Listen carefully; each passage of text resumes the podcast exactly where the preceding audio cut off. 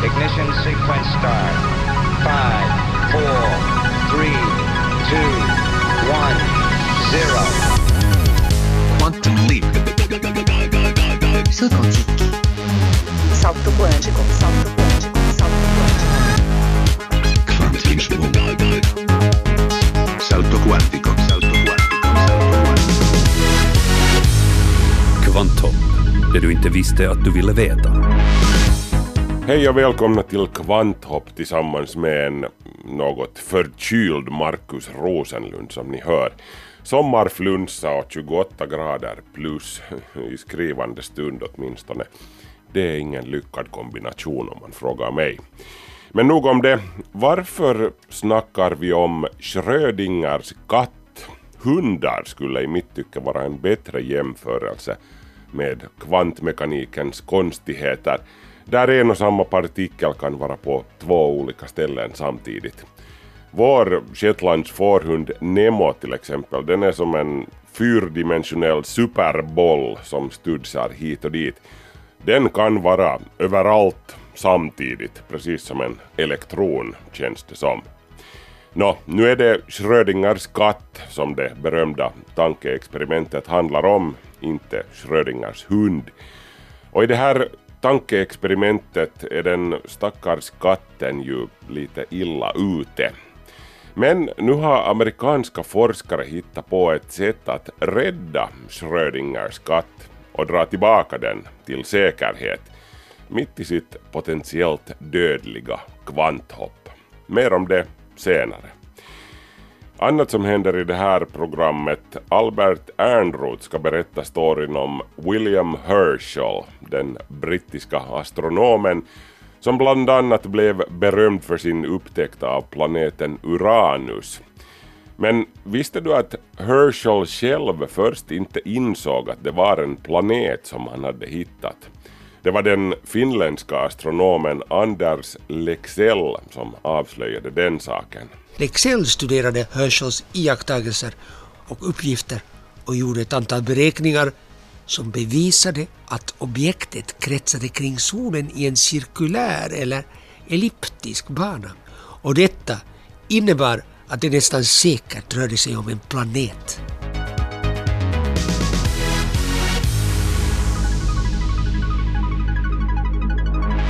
Bland annat det här ska det bli mer om i veckans kvanthopp. Men härnäst ska vi kolla in veckans notiser.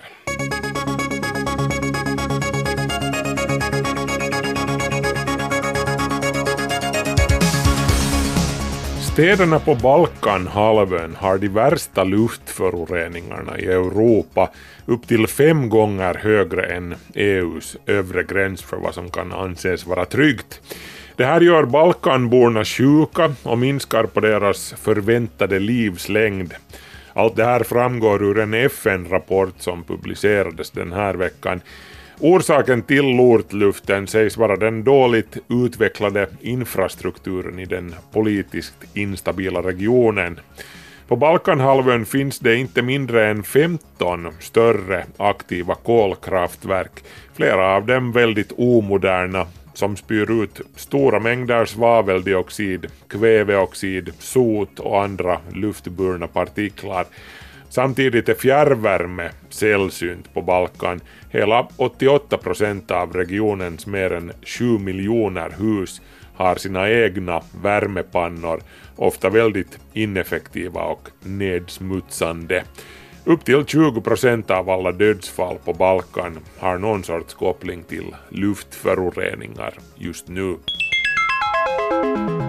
Utbyggnaden av det rymdburna internet går framåt. Amerikanska raketföretaget SpaceX meddelar att samtliga av de 60 nyligen avfyrade Starlink-satelliterna fungerar som de ska Syftet med Starlink är att flytta en stor del av internettrafiken från de jordiska undervattenskablarna ut i rymden och ge snabbt internet också åt jordens mer avsides obygder. Starlink-satelliterna håller just nu på att klättra uppåt mot sina planerade omloppsbanor på 550 kilometers höjd, vilket an efter leder till att de försvinner ur sikte sett härifrån jordytan. Nu på sistone är det många amatörastronomer som har roat sig med att spana in det här inom citat satellittåget som man kan se flyga över natthimlen. Det är många stjärnskådare, både proffs och amatörer, som på sistone också har uttryckt sin oro för all ljusförorening som det färdigt utbyggda Starlink-nätverket med sina 1600 satelliter kan komma att orsaka. På SpaceX menar man att oron är överdriven. Den legendariska italienska sportbilstillverkaren Ferrari har presenterat sin snabbaste modell hittills. SF90 Stradale heter bilen. Och kolla in det här, det är en laddhybrid. Men tro inte att det handlar om en energisnål pendlarbil för det, fast man kan ju tänka sig att en eller annan Ferrari-purist säkert rynkar på näsan åt sladdarna. Eh, 25 kilometer ska man kunna köra bara på el med litiumbatteriet på 79 kilowattimmar. Men puristerna kanske ler åt den 4 liters V8-motorn som också finns där under plåten, eller åt det faktum att bensinmotorn och de tre elmotorerna tillsammans levererar 1000 hästkrafter, vilket gör SF90 till den kraftfullaste Ferrarin hittills. Två och en halv sekunder tar accelerationen från 0 till 100. Ungefär så länge som tiden som passerar mellan det att jag säger hepp till att jag igen säger hepp. Kött odlat i laboratoriet har föreslagits som en klimatsmart och djurvänlig metod för att producera matprotein. Men att odla nöt eller griskött i laboratoriet är både dyrt och invecklat. Häromdagen publicerades en studie från Tufts University i USA som lyfter fram en alternativ metod som sägs vara både billigare och effektivare. Odla insektkött istället. Till exempel nötköttceller måste odlas i lager som fixeras vid en växtyta medan insektkött kan odlas som fritt flytande celler direkt i en näringslösning, eh, vilket betyder enklare teknik och det sparar också energi och vatten.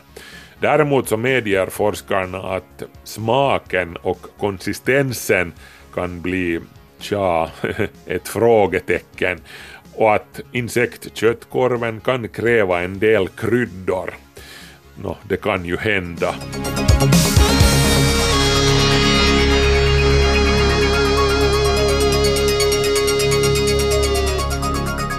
Offentliga aktörer lovar att sluta slussa användares surfvanor till datahandeln i USA. Det här efter att svenska YLE har granskat saken upprepade gånger med start år 2016. Ännu i början av den här veckan var det faktiskt fem finländska kommuner som spårade användare på sin webbplats, kanske just dig, och skickade datamaterialet till ett amerikanskt företag som säljer det vidare. Anders Willstedt, medgrundare vid företaget Consentio, som jobbar för användarnas rätt till sina egna data, är inte nådig i sin kritik av spårningen. Det är ett jätteproblem. Addis affärsidé är att eh, lura in sig på sajter och på så sätt samla upp konsumentdata. I praktiken handlar det om att kommunerna har lagt till en särskild källkod på sina webbsidor. Koden möjliggör att användarna lätt kan dela vidare olika artiklar på sociala medier via särskilda knappar. Addis är vad jag skulle kalla en trojansk häst. Sajtägaren tror att man har fått in en, en tjänst för sociala medier-delningsknappar. Jag som konsument har ingen aning om att min data landar på stora databörser i USA där den säljs vidare. Det är det amerikanska storföretaget Oracle som ligger bakom AddDis. Det lever bland annat på att bygga omfattande dataprofiler som säljs till marknadsföring. Men företaget samlar in så mycket information om användares surfbeteende på olika håll på internet att de i många fall kan identifieras. Den här datahandeln bryter enligt Willstedt också mot EUs dataskyddsförordning GDPR och också Dataombudsmannen i Finland har kritiserat AddDis. Svenska Yle har rapporterat om fenomenet också år 2016 och 2018 och efter det har flera offentliga sajter i Finland valt att sluta använda den spårande källkoden. För tre år sedan hade 27 av de offentliga aktörer vi granskade AddDis på sina sidor. I fjol hade antalet minskat till endast 10 och nu är det fem. Vanda, Hangö, Ingo, Karleby och Kimitoön. Informatör Kristoffer Nöjd säger att Ingo kommun inte gillar den här spårningen som man först nu säger sig vara medveten om. Det är förstås negativt och inte någonting som vi vill att, att sker och vi vill förstås inte heller bli förknippade med sånt. Efter att Svenska Yle ställde frågor till de fem aktuella kommunerna så meddelar de nu att de kommer att avstå från AddDis. Kristoffer Nöjd förklarar det så här för Ingo kommuns del. Det är nu den här vetskapen som vi nu har fått om att, att det kan, kan läcka information från, från våra, våra besökare via, via den här Addis. Det, det är ju förstås någonting som, som vi vill undvika. Det var Niklas Fagerström som hade gjort det inslaget. Nu ska vi byta tidsperiod till en era då skeppen var gjorda av trä, männen var gjorda av järn och teleskopen var gjorda av mässing. William Herschel upptäckte för 238 år sedan en himlakropp som tidigare hade misstagits för en kärna. Men en kärna kunde den inte vara eftersom den rörde på sig. Det var en finländare som sedan kunde bevisa att objektet kretsade kring solen och därför måste vara en planet. Herschel hade upptäckt Uranus och han gjorde flera andra viktiga astronomiska observationer med hjälp av sin syster Caroline. William blev hovastronom och både han och systern Caroline erhöll en årlig pension från kungen. Albert Ernroth har besökt William och Caroline Herschels hem i Bath i sydvästra England som idag är ett fascinerande museum. We're in the garden of 19 New King Street, Bath, which is the Herschel Museum in Bath, and this is the place, literally, where Herschel discovered the planet Uranus in on March 13, 1781. Jag står i William Herschels trädgård och talar med Charles Draper som är Herschel Societys ordförande. William Herschel bodde på 1780-talet i Bath som på den tiden var en fashionabel semester och kurort. Och vi befinner oss på New King Street där William bodde med sin syster Caroline. När Herschel bodde här fanns det inga radhus i änden av trädgården. Han kunde i lugn och ro rikta sitt självtillverkade teleskop mot natthimlen utan att störas av ljusförorening eller nyfikna grannar. Most of the people were still focused on comets. Herschel wanted to know what the things that weren't comets were. He was pursuing that issue. Uh, something else he was pursuing was looking at stars, and he wanted to know how far away the stars were. På den tiden jagade de flesta astronomer kometer, men Herschel var främst intresserad av objekt som inte var kometer. Han var fascinerad av nebulosor och stjärnor, speciellt dubbelstjärnor, och försökte utarbeta hur långt bort de befinner sig. Hans ledstjärna, eller referenspunkt, för alla beräkningar var Sirius, den klarast lysande stjärnan på natten. Problemet med hans kalkyler var att han utgick från att alla stjärnor är mer eller mindre lika luminösa, vilket naturligtvis inte stämmer.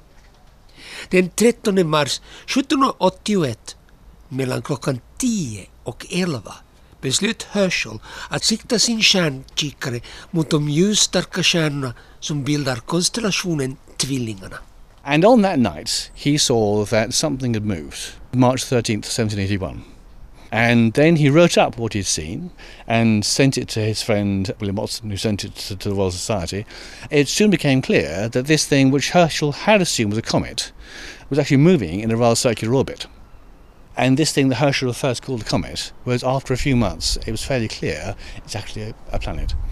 And this suddenly transformed his life. Herschel antecknade i sin loggbok att han kunde se ett objekt som liknade en skiva och under loppet av några nätter observerade han att himlakroppen rörde på sig. Eh, knappast var det väl en komet eftersom den inte hade en svans.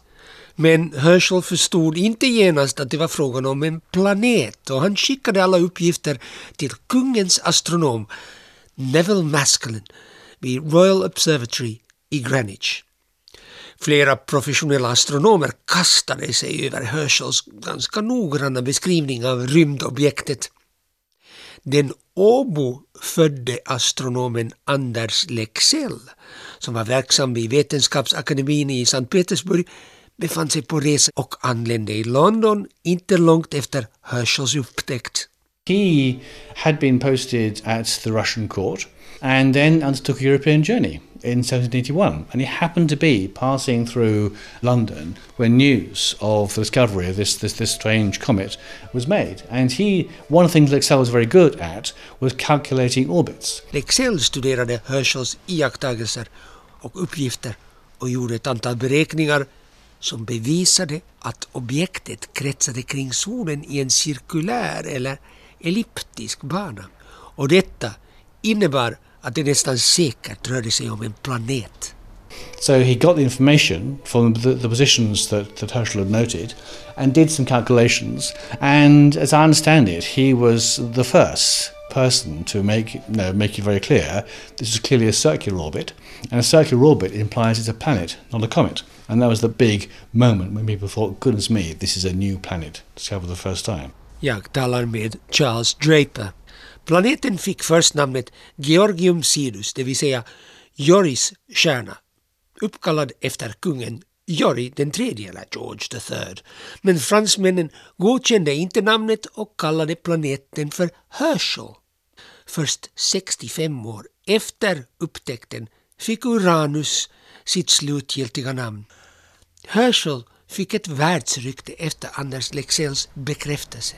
And Herschel suddenly went from being a fairly celebrated local person to somebody who was absolutely, you know, the man of the moment.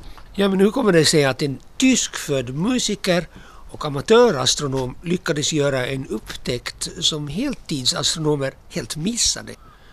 Nej, det var inte bara en slump. Och himlakroppen hade faktiskt iakttagits flera gånger, så tidigt som 1690, men misstagits för en stjärna. Herschel sysslade inte med astronomi på hobbynivå och hade i närmare ett decennium studerat och kartlagt natthimlen när han gjorde den stora upptäckten. Dessutom byggde han sina egna teleskop som hade starkare förstoring än någon annan stjärnkikare i landet. Ja, William Herschel var ovanligt mångsidig, uppfinningsrik och metodisk på typiskt tyskt vis, skulle britterna säga. He was born in Hanover and came from a musical family, and the family tended to have musicians as military bandsman, and he was taught to do that. Educated by his father in mathematics and music, and really quite well, and joined uh, one of the military bands in Hanover. They came to the UK because it's during the Seven Years' War in the 1750s. And William Herschel was a Herschel pretty astute föddes. I Hannover 1738. Hans far var kapellmästare vid en militärorkester och William blev redan som tonåring oboist och violinist i det kurfurstliga regementets musikkår. Under sjuårskriget ockuperade fransmännen Hannover, vilket var anledningen för unge William att 1757 flytta till Storbritannien. På den tiden var George den andre, George II, landets kung och han härstammade från Hannover och tillhörde dess furstehus. William försörjde sig som musiklärare, organist och småningom blev han en habil tonsättare. He was obviously very good with people, and they had emotional intelligence, as we would call it now. And then he saw this advertisement for a job in Bath as organist at the Oxford Chapel in 1766, and he got that too. Came down to Bath. Now, Bath, in the late 18th century, was the social centre of the country. Everyone who had Bath some money i came sydvästra England and var på den tiden landets mest exklusiva kur och semesterort. William Herschel blev 1767 organist i en nybyggd fashionabel kyrka i Bath och småningom också kapellmästare för stadens orkester. Herschel hade en nyfiken natur, kunde sin musikteori och då är steget till trigonometri, fysik, optik och astronomi inte så stort. Han var medveten om att naturfilosofiska ämnen diskuterades flitigt i Baths finare herrklubbar. Och Herschel var mån om att klättra upp för. As Herschel enjoyed his time here in Bath, he became very successful and his mind began to want more of a stretch. And he, he read a book on optics, I think, which really stimulated this, and he wanted to you know, try and understand more about stars. Tried to hire a telescope to help him do that, and found he couldn't hire a telescope that was really worth, worth, worth, you know, worth using. So, being a practical person, he said, I'll make my own telescopes. And he was very quickly making better telescopes than he could buy. När Herschel kom till Bath ville han hyra ett teleskop men han ansåg att dess spännvidd inte dög och beslöt att tillverka sin egen stjärnkikare. Den så kallade Newton-reflektorn använde metallspeglar. Silver på glas blev först standard på 1800-talet och Herschel anpassade och förbättrade Isaac Newtons uppfinning. I Bath har verkstaden överlevt där William med sin bror och syster startade sin tillverkning. One day things went very badly wrong in mm. the 1780s. The mould cracked and the molten metal poured out. And molten metal landing on flagstones is pretty lethal. And as you can see down under our feet, they're all pretty cracked. And, and Herschel and his brother had to run run to the garden, you know, and get sort of you know mopped down. that just shows sort of the, the hazards, if you like, of doing your own manufacturing in a domestic house.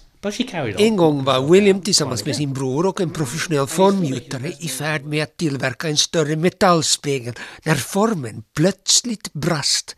Smält metall rann ner på stengolvet som blev hett som lava och sprack. Herschel och hans medarbetare flydde i panik ut i trädgården. Stenplattorna i Herschels verkstad uppvisar fortfarande hundratals sprickor men under årens lopp blev Herschel otroligt skicklig, världsbäst faktiskt, på att bygga teleskop och han lär ska ha förfärdigat närmare 400 stjärnkikare. Det blev en väsentlig inkomstkälla. Som sagt, Herschel observerade Uranus med ett teleskop som han själv hade konstruerat och det var den första nya planetupptäckten sedan antiken. George III, he was interested in astronomy, but he realised it's quite a good way of entertaining his friends. And the royalty passed through, and you know, bishops passed through, and, and the king liked the idea. He could say, I know, I'll take him to see some stars with Herschel down the road. King George III blev så imponerad att han beviljade William en årlig pension och utnämnde honom till hovastronom. William kunde ge upp sin musikkarriär och flyttade till Datchet som inte ligger långt från Windsor Castle där kungen uppehöll sig. George gillade att tillsammans med gästande kungligheter besöka Herschel som fick underhålla dem med stjärnskådning. Och det är i Datchet som Williams syster Caroline börjar få en väsentlig roll i verksamheten. She started off by being housekeeper, then she became a singer, and then she was disappointed when the, the music stopped because she was really quite a good singer and became his, his helper with, with observations. Caroline kom redan 1772 till England, till en början huvudsakligen för att sköta sin brors hushåll. Men hon hade en vacker sopranröst och deltog ibland i Williams konserter. Småningom började hon också arbeta sida vid sida med brodern och systemet de utvecklade var nydanande. His most effective telescope was really quite a decent sized one, the, the, the 20 foot with a with 18, 18 inch mirror, and that's what he did most of his work with. William byggde i Datchet ett teleskop med 460 mm öppning och närmare 6 meters fokallängd och det var den tidens största teleskop. Men för att nå upp till okularet måste hans medarbetare hissa upp honom med block och taljor. Och där hängde han och, och formulerade högt, så exakt som möjligt, allt han kunde iaktta medan Caroline satt nere på marken och förde observationsjournalen. Nästa dag utarbetade hon sedan alla uppgifter och gjorde astronomiska reduktionsräkningar. Det kan låta självklart och logiskt idag, men ingen hade tidigare arbetat så här systematiskt. Listening to the story of William and Caroline Herschel working together, they became a very close team to establish what I would call a, a data flow system. Uh, somebody at the telescope actually making the observations, calling them down to his sister, who's writing them in a, in a book, in a, in a logbook, and, and keeping track of what she'd done. Vi hörde Bob Fosbury som i 36 år var involverad i utvecklingen av rymdteleskopet Hubble. Fosbury påpekar att William och Carolines observationsmetoder lade grunden till det moderna dataflow-systemet som användes för att analysera Hubble-teleskopets mätdata. Syskonen Herschel katalogiserade 2500 tidigare okända nebulosor, stjärnhoppar och himlakroppar.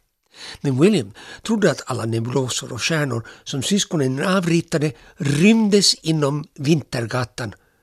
Som 50-åring gjorde William en väsentlig upptäckt, nämligen kärleken. Han gifte sig med en rik änka och började med jämna mellanrum unna sig en semester tillsammans med sin Mary. William married at the age of 50, a wealthy widow. His life changed a bit. He suddenly thought holidays were quite nice. And he disappeared. William och Mary fick en son som också blev en mycket framgångsrik astronom. Och han har även betytt mycket för fotografins utveckling. Det var John Herschel som myntade begreppet fotografi. And Caroline certainly then was by herself. And suddenly she could do her own observing again. So Caroline's great period of discoveries is the is 1790s, and she discovered her eight, eight comets then. Caroline fortsatte nu egenhändigt utan Williams hjälp med katalogiseringen av stjärnhimlen. Hon hittade åtta kometer, en bedrift som ingen annan kvinna hade presterat och hon belönades också av kungen med en årspension. Senare bistod hon sin brorson John vid hans undersökningar av nebulosor och dubbelstjärnor. William Herschel fortsatte att upptäcka rymdobjekt livet ut men år 1800 gjorde han ett ganska enkelt experiment som skulle få stor betydelse. Han var nämligen också intresserad av solfläckar men det var på den tiden väldigt besvärligt att studera solen utan att skada ögonen. Han ville mäta temperaturen av regnbågsfärgerna som uppstod på en vit kartongbit när han lät solljus passera genom ett prisma. Possibly by design, possibly by accident, he, he left a thermometer slightly beyond the red end of the spectrum.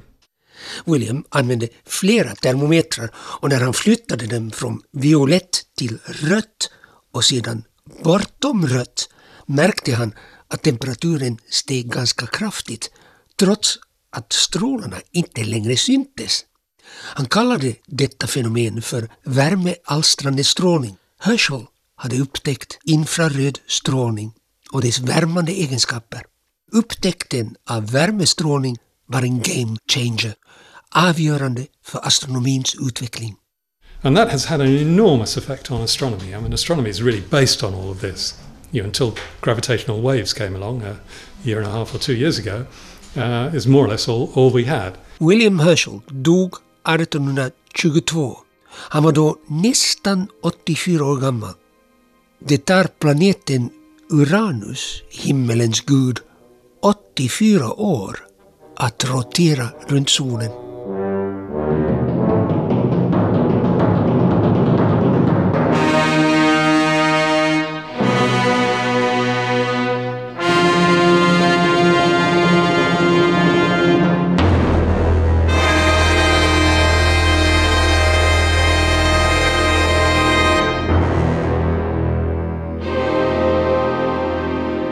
Musiken vi hörde här till slut är Gustav Holsts musikaliska tolkning av planeten Uranus. Albert Ernroth talade med Bob Fosbury och Charles Draper som båda är medlemmar av William Herschel Society i Bath. Det här är en Svenska Yle-podd.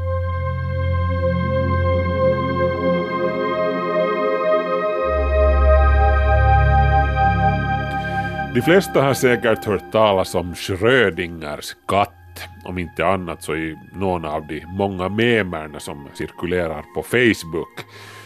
Eh, Schrödingers katt är i och för sig mycket äldre än Facebook. Schrödinger var ju ingen mindre än Erwin Schrödinger, den österrikiska teoretiska fysikern, en av upphovsmännen bakom kvantmekaniken. Schrödinger fick ta emot Nobelpriset i fysik 1933 tillsammans med Paul Dirac.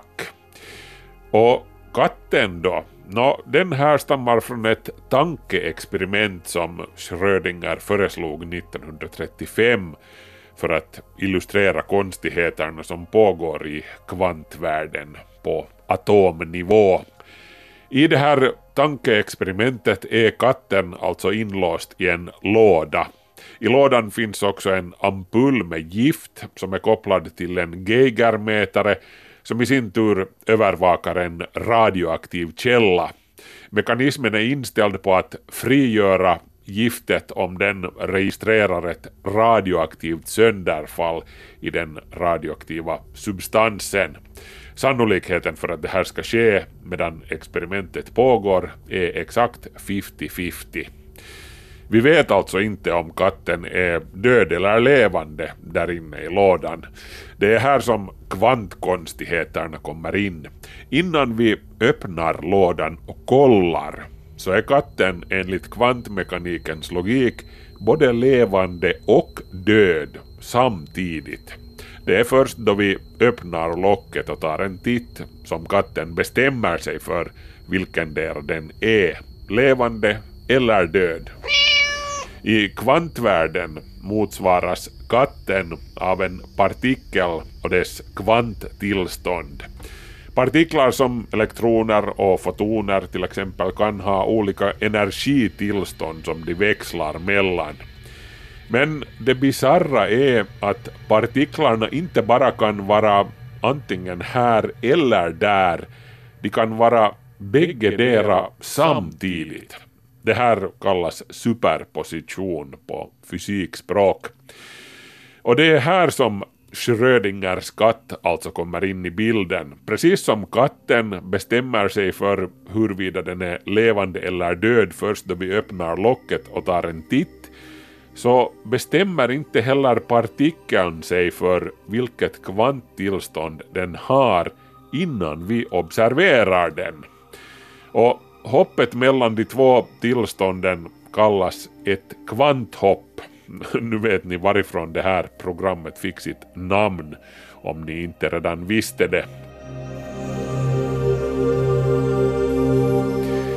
Kvanthoppens existens förutsades av den danska fysikern Niels Bohr på 1930-talet men det dröjde till 80-talet innan de kunde observeras i verkligheten.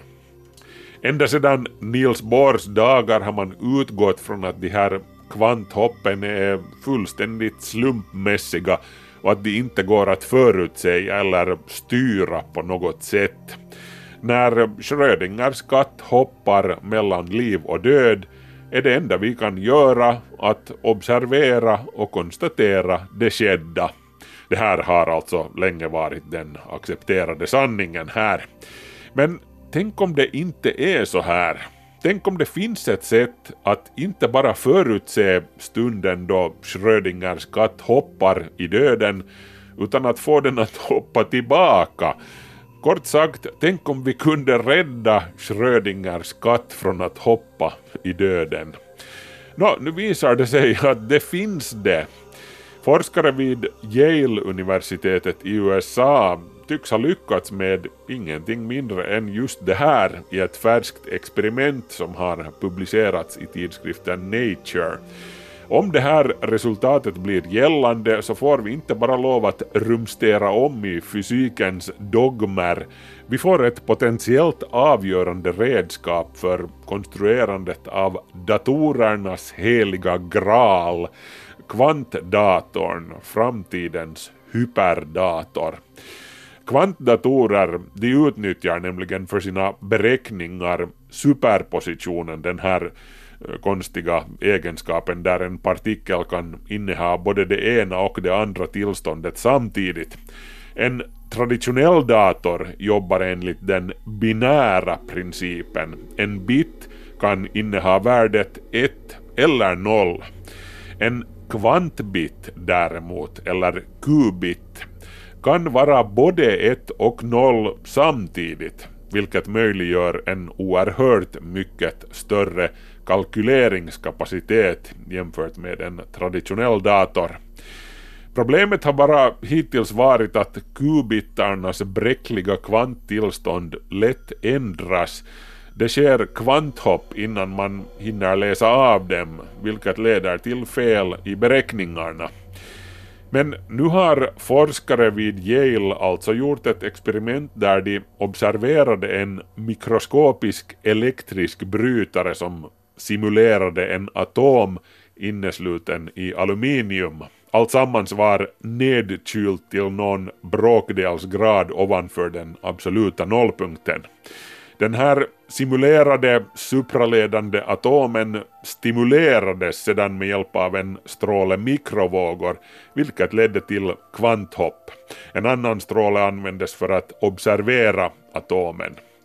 När en atom skiftar kvanttillstånd, alltså hoppar till en lägre energinivå, eller då Schrödingers katt dör om vi vill använda den jämförelsen, då frigör den en foton, en ljuspartikel alltså.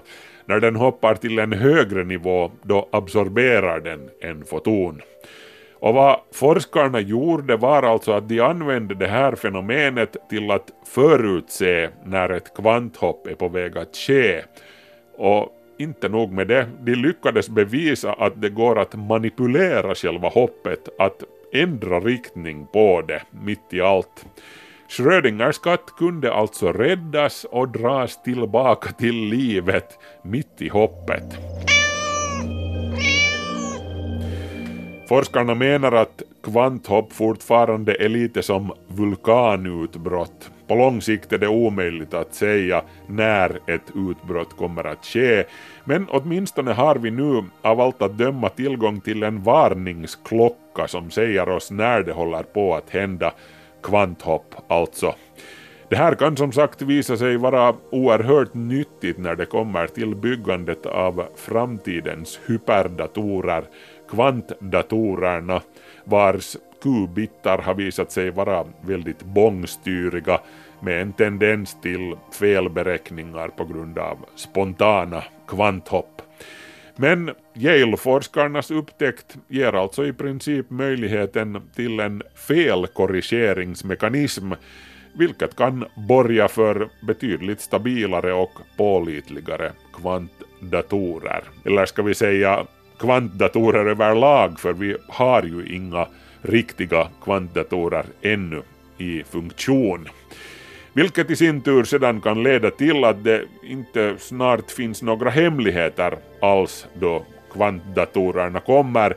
För kvantdatorerna med sin förkrossande förmåga att faktorera hejdlöst stora primtal i en handvändning innebär att alla de traditionella krypteringsmetoderna plötsligt blir värdelösa. Men det är en annan femma, sade bonden när han skrev en sjua.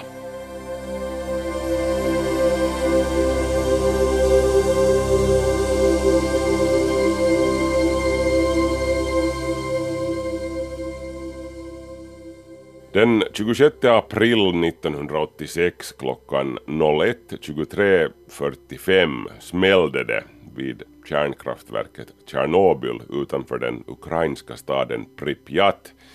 Fast vi här i Finland fick ju inte veta om det förrän flera dagar senare.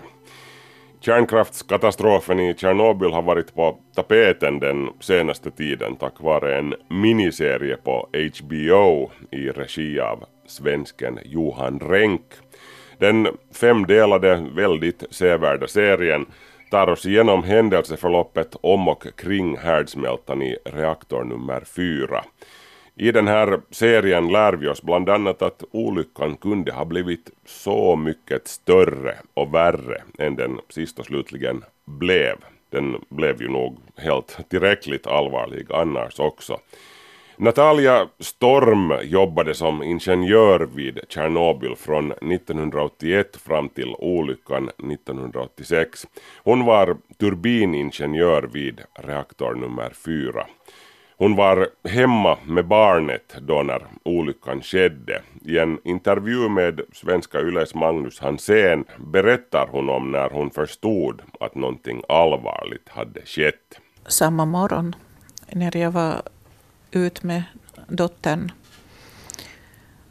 så det var massor med soldater med masker och tvättade gator med vatten.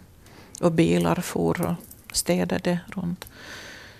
Så jag trodde först eh, att det förbereder staden till första maj. Firandet. Och sedan då vi såg att det hade som vissa soldater hade speciella kläder som mm, skyddskläder. Då började någonting snurra i huvudet, men man reagerar inte. Vi var på väg Eh, med dotter på promenad och sedan var jag in till butiken och handlade mat lite och kom tillbaka. Och då kom min man, han var på körkortkurs. Så sa hon, stäng alla fönster, alla dörrar och hålls inomhus. Det är olycka. Där. En brand, sa han, inte olycka, en brand. Och sedan mot kvällen fick vi veta att det var större, allvarligare men ingen kunde tro att reaktorn kraschat. Jag jobbade så många år med det femte skiftet. Mm. Så skulle jag inte flytta mig till en annan avdelning. Mm. Och vad var det femte skiftet? Var det nattjobb? Uh, jo, jo, det just var det. Alla mina vänner. Så de som dog, de var alla sådana som du hade jobbat länge med? Ja. Hurdant förhållande har du idag till, till Pripyat och Tjernobyl? Vad är det för tankar som väcks? Svårt att säga. Man kan inte som uppleva känslor som man hade då. Men det berör. Det berör att jag nästan som började gråta när man sjunker med minnena dit. Men jag försöker göra det inte så ofta. Att det är som att om man har ett sår och riva bort skorpan hela tiden. Att men det läker med tiden och ju mer man talar om det så det blir... När man blir själv mer öppet för livet så känns det inte så smärtsamt. Om vi går till den evakueringen, så vi var, började lite vara inne på söndagen den 27 april, då hade det varit Luften hade varit fylld med radioaktivitet i närmare 40 timmar. Då var det också dags för invånarna i staden Pripyat att evakueras. De fick ingen information. Du berättade själv att du förstod, Natalia, att någonting var på gång. Men det kom ju ut en varning, en sån här varningsmeddelande. Jag har ett kort klipp från det om vi ska ta och lyssna på det. Внимание, внимание! Внимание, внимание! Уважаемые товарищи! Городской совет народных депутатов. Kommer du Natalia ihåg den här varningen? Ja. För att eh, vi har sådana små radio som jag aldrig använt hemma. Men det var sådana som för statsnyheter. Uh, och då kom våra vänner och sa att vi ska ha på den för att då ska du berätta hur ska vi bete oss vidare. För att följande morgon, eller som nästan på natten till söndag, fick vi uh, jodtabletter. Det för, fört hem till mm. alla invånare. Och Susanna, om vi tar och hör på det här kort på nytt vad det sades så får du översätta. Ja. Внимание, внимание! Внимание, внимание! Уважаемые товарищи! Городской совет народных депутатов Ja, det, som, det som hon ju säger här, den här kvinnorösten, är, är lystring, lystring, alltså vнимание är lystring. Uh, lystring, lystring, ärade kamrater. Och sen börjar hon förklara att, att, att uh, statsrådet i, i, i Pripyat har, har bestämt att uh, alla invånare ska evakueras samma dag klockan 14. Och att den här evakueringen är, är då till följd av en nu vet jag, minns jag faktiskt inte vad, vad ordet incident eller händelse eller olycka på, på kärnkraftverket, men att det är fråga om några dagars evakuering och att man ska ta med sig då sina eh, identitetshandlingar, några officiella dokument och, och kanske lite matsäck. Och eh, husdjuren skulle då lämnas kvar. Tänkte du Natalia, när du hörde om evakueringen, att den är tillfällig? Ja, vi, vi trodde ju. Inte hade vi något annat att veta. Det var enda information.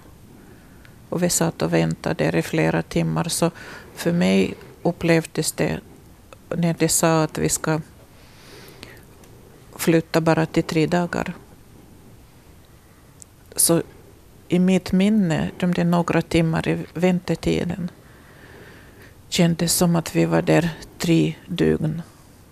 Det var varenda minut, varenda sekund var så lång, utan att vi kunde inte gå någonstans, vi kunde inte göra någonting. Vi satt bara där och väntade. Och det var evigt väntan.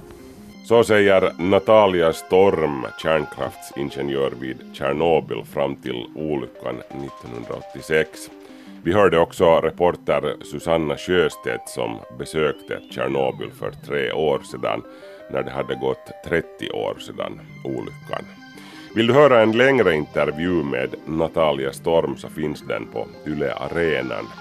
Men nu är Kvanthopp slut för den här gången. Markus Rosenlund tackar för sällskapet och säger ha det så gott, vi hörs, hej så länge.